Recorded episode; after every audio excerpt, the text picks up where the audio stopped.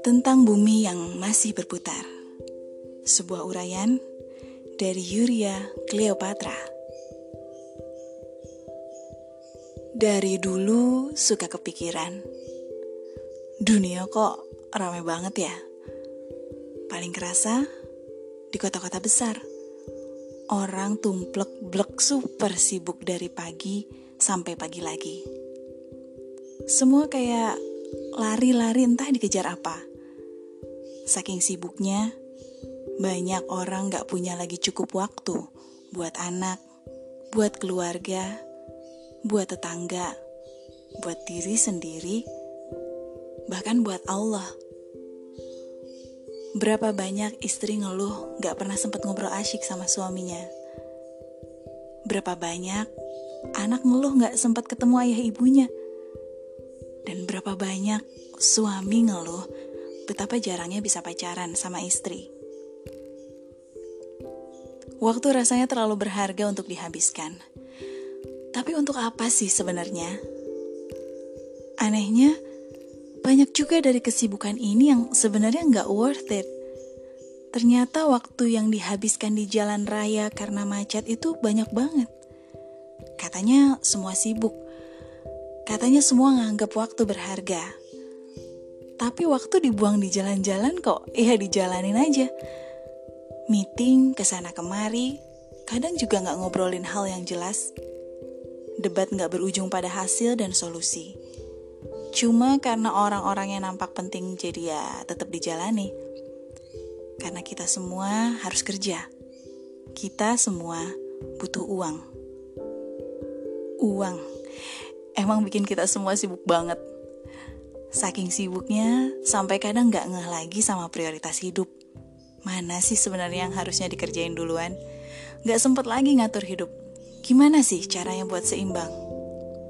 Padahal Rasulullah dari dulu udah ngajarin. Hidup tuh ya mesti tawazun. Setiap hak harus ditunaikan. Hak diri sendiri, hak Allah, hak keluarga, hak tetangga, semua ada porsinya. Kalau semua waktu habis buat kerja, ini udah gak sehat, gak seimbang. Tingkat polusi teramat tinggi di semua kota. Minyak dan bahan bakar tersia-sia dalam kemacetan tak berujung pangkal. Listrik dan air jadi sumber pemborosan di gedung-gedung tinggi dan tempat-tempat luxury Kemubaziran dalam bentuk barang-barang branded pun tak terbendung.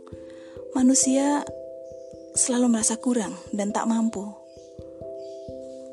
Kondisi kesehatan dan tubuh masyarakat pun menurun. Berbagai penyakit menghinggapi. Tingkat stres juga teramat tinggi. Anak-anak lelah dan tertekan. Keluarga berantakan. Empati dan toleransi hilang. Ini kondisi yang gak wajar. Dan seperti zaman-zaman sebelumnya, alam selalu punya cara untuk mengingatkan manusia dan mengembalikan kesetimbangan. Dan Allah pun menurunkan tentaranya yang sangat dahsyat. Makhluk itu kecil aja. Kecil banget malah. Lebih kecil dari burung ababil. Lebih kecil dari nyamuk. Lebih kecil dari bakteri dan jamur sekalipun. Tapi makhluk itu mampu mengerem manusia yang sibuk berpacu. Dan ajaib, bumi pun berubah. Terasakah bahwa beberapa hari ini udara terasa lebih segar? Suhu terasa lebih dingin? Ya, tingkat polusi di seluruh dunia menurun secara signifikan. Penggunaan energi di seluruh dunia drop hingga titik terendah. Harga minyak pun terjun bebas.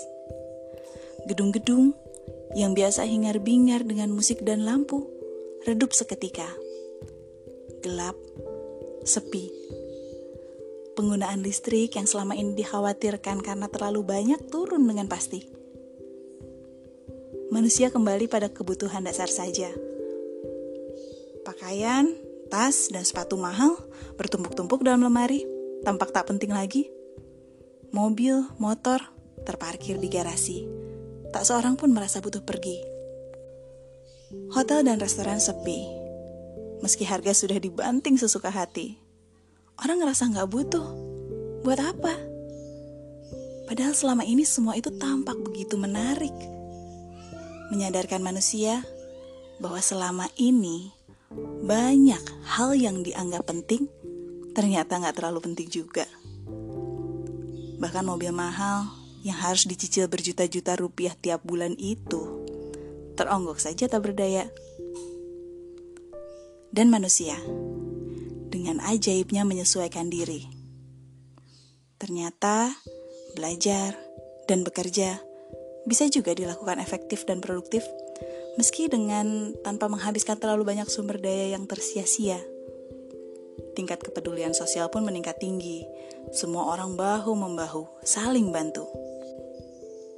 Maha suci Allah, jika Dia menghendaki sesuatu, hanya berkata "jadilah", maka terjadilah.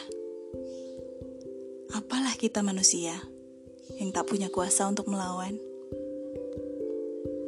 Jangan khawatir, bumi ini masih berputar dan akan terus berputar sesuai perintah Allah. Bumi akan memutar kehidupan, mengembalikan keseimbangan, mempergilirkan kemenangan, dan menyediakan kecukupan untuk kita umat manusia. Insya Allah. La tahzan. Jangan sedih. Jangan cemas. Dan jangan khawatir Lakukan saja semua ikhtiar yang harus kita lakukan. Bukankah untuk itu Allah memberi kita akal agar kita bisa belajar dan memutuskan? Iringilah semua ikhtiar itu dengan doa. Bukankah Allah yang maha menurunkan penyakit dan dia pula yang menurunkan obatnya? Lakukan saja urusanmu dan Allah akan menyelesaikan urusannya.